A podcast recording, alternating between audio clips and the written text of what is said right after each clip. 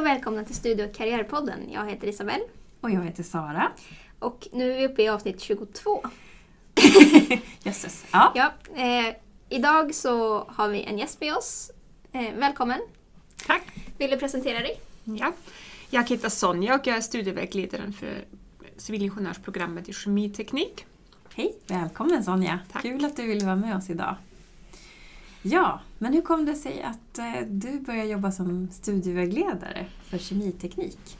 Ja, jag är, som bakgrund är jag ju fysiker. Jag har läst civilingenjörsprogrammet i teknisk fysik. Hade tänkt forska egentligen, men insåg att den här forskningsvärlden var lite för tuff för mig. Så, och dessutom har jag alltid haft ett väldigt stort intresse för eh, att jobba med barn, ungdomar och att få folk intresserade av teknik och naturvetenskap. Så jag började jobba i olika projekt med sådana frågor på universitetet. Och sen kom det ut en tjänst som innehöll mycket av det där jag ville jobba med och studievägledningen. Och sen fick jag studievägledningen på köpet och det är den jag fastnade för. Okej, och nu är du studievägledare för civilingenjörsprogrammet i kemiteknik. Det har varit i nio år. Ja.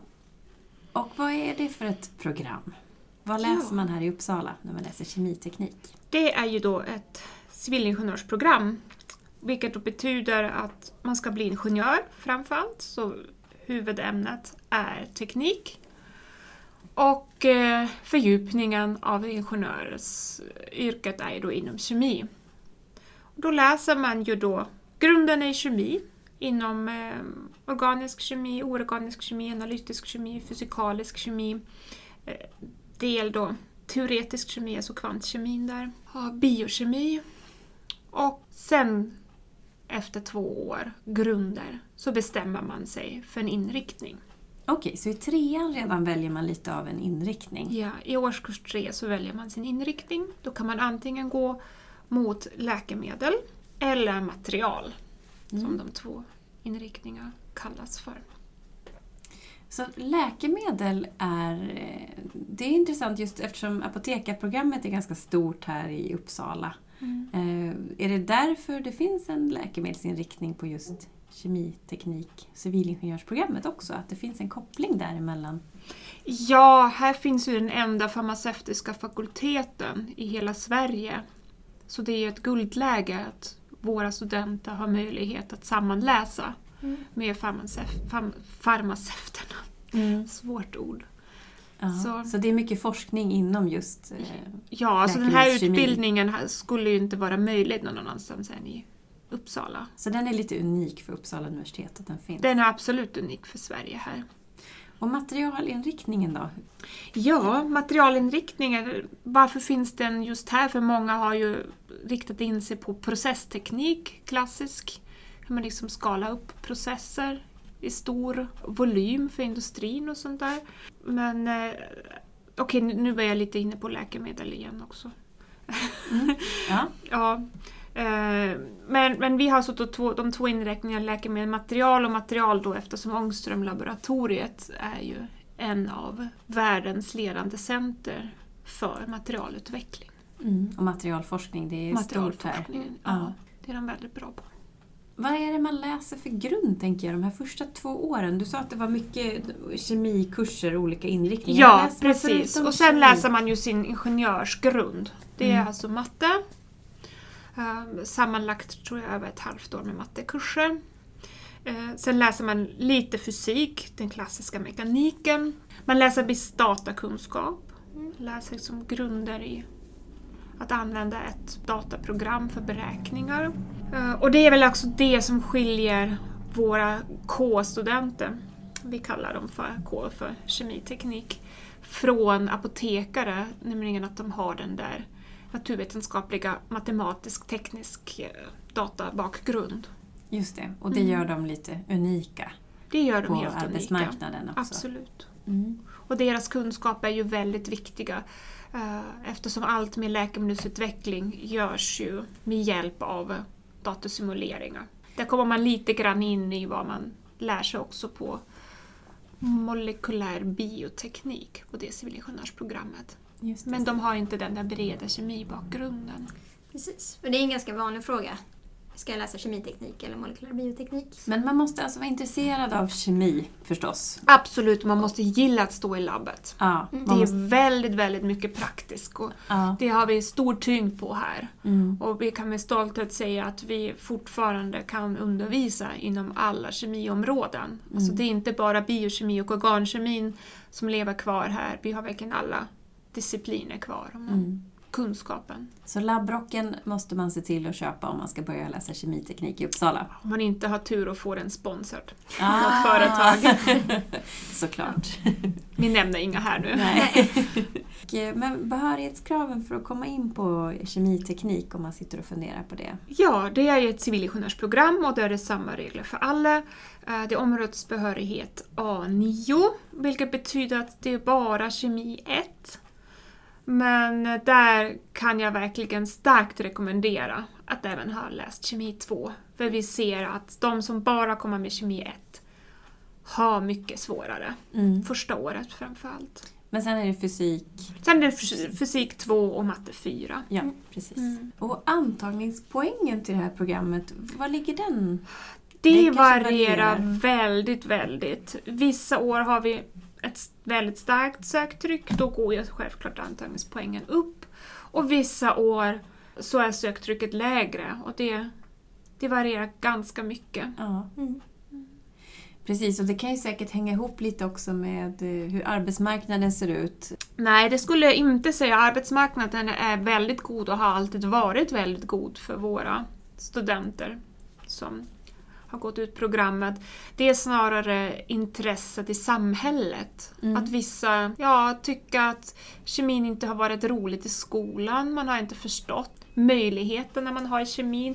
Det här med materialkemin är någonting som har, man har väldigt svårt att greppa. Vad är det egentligen? Det, vad? Materialdesign, vad gör man? Läkemedel kanske lite mer intuitivt, om man ska utveckla ett läkemedel. Sen är det ofta så att många har trott att kemi är något farligt eller lite intill fult. Och det påverkar ju tyvärr valet. Vilket ju gör att det är få som läser kemi och man har väldigt goda chanser att hitta jobb.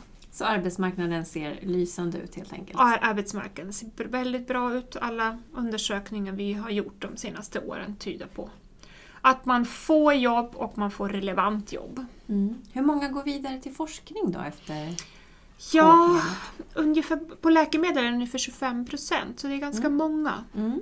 För just läkemedelsområdet, vilket man kanske förstår, är extremt komplext och kräver väldigt, väldigt eh, mycket kunskap och tvärvetenskaplig kunskap också.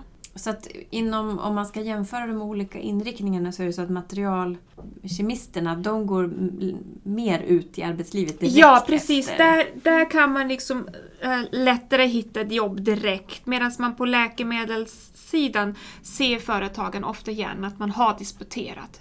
Eftersom ja, det, det är väldigt mycket man måste kunna och förstå. Människokroppen är komplex. Ja. Vad är det som händer? Vad finns det för metabolismer? Eh, ja, precis. Hur, hur tas substanserna upp i kroppen överhuvudtaget? Och där kommer ju tvärvetenskapligheten in. Där har ju apotekarna till exempel överlaget vad som gäller, övertaget heter det, vad som gäller eh, fysiologin medan då civilingenjören har bättre förståelse kanske för uppbyggnaden, för syntesen av de här molekylerna. För, ja, man tar fram de nya aktiva substanserna. Finns det någon eh, sektion, någon studentsektion för programmet?